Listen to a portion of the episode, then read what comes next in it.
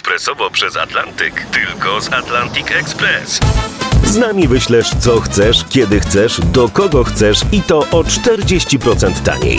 W Atlantic Express wysyłamy wszystko, co chcesz. 1 800 775 7363. Mienie przesiedleńcze, kontenery, paczki do Europy. Atlantic Express to 30 lat doświadczenia i o 40% niższe ceny na wysyłki kontenerów, samochodów i paczek. Ekspresowo przez Atlantyk tylko z Atlantic Express.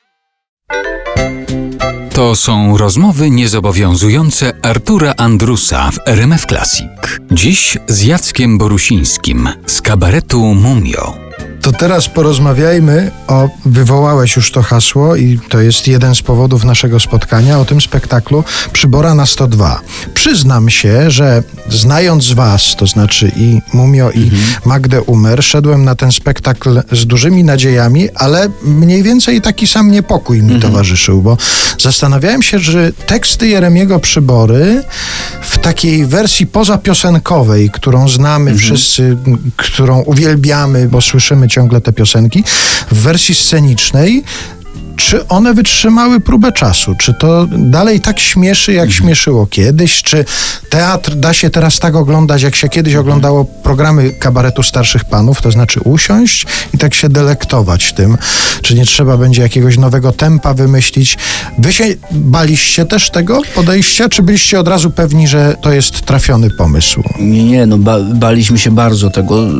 Na tyle się baliśmy, że, że Magda już z tym pomysłem chodziła, że tak powiem, już od 10 lat i myślała, żeby, żeby, żeby, żeby taki spektakl zrobić. No i my przez te 10 lat się opieraliśmy właśnie z tego lęku przed zderzeniem się z tym repertuarem, na ile nie nasz tekst będziemy go potrafili tak powiedzieć, żeby był satysfakcjonujący dla widza, ale również dla nas.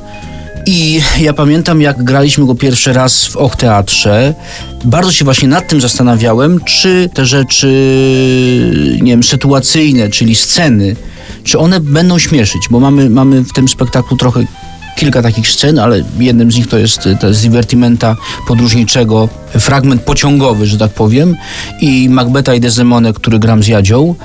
I się bardzo nad tym zastanawiałem, czy czy nie będzie gdzieś tego poczucia, że to będzie trochę trąciło myszką właśnie, że, że, że wiadomo, jakie dzisiaj tempo jest, że tak powiem, we, we wszystkim, co oglądamy, ale okazało się, że, mm, że cały czas... Yy, że to zostało super przyjęte. Nawet naprawdę z moim, ja, ja, pamiętam to, to swoje odczucie, kiedy byłem za kulisami i Darek z Jadzią właśnie przedstawiali to divertimento podróżnicze i bardzo się cieszyłem, że, że, że pomimo tego, że nie dokładali za dużo, bo mamy taką tendencję, żeby też dołożyć, żeby też naznaczyć to przedstawienie trochę taką mumiowatością, a tutaj naprawdę nie, do, nie dokładali za dużo, a pomimo tego była naprawdę cudowna, cudowny odbiór publiczności. No ja byłem wtedy właśnie i rzeczywiście te moje wszystkie obawy się rozwiały natychmiast i uznałem, że to jest coś fenomenalnego, że wy świetnie pasujecie do tych tekstów, że ja nawet się zastanawiałem, ile tam jest mumio, ile jest przybory, bo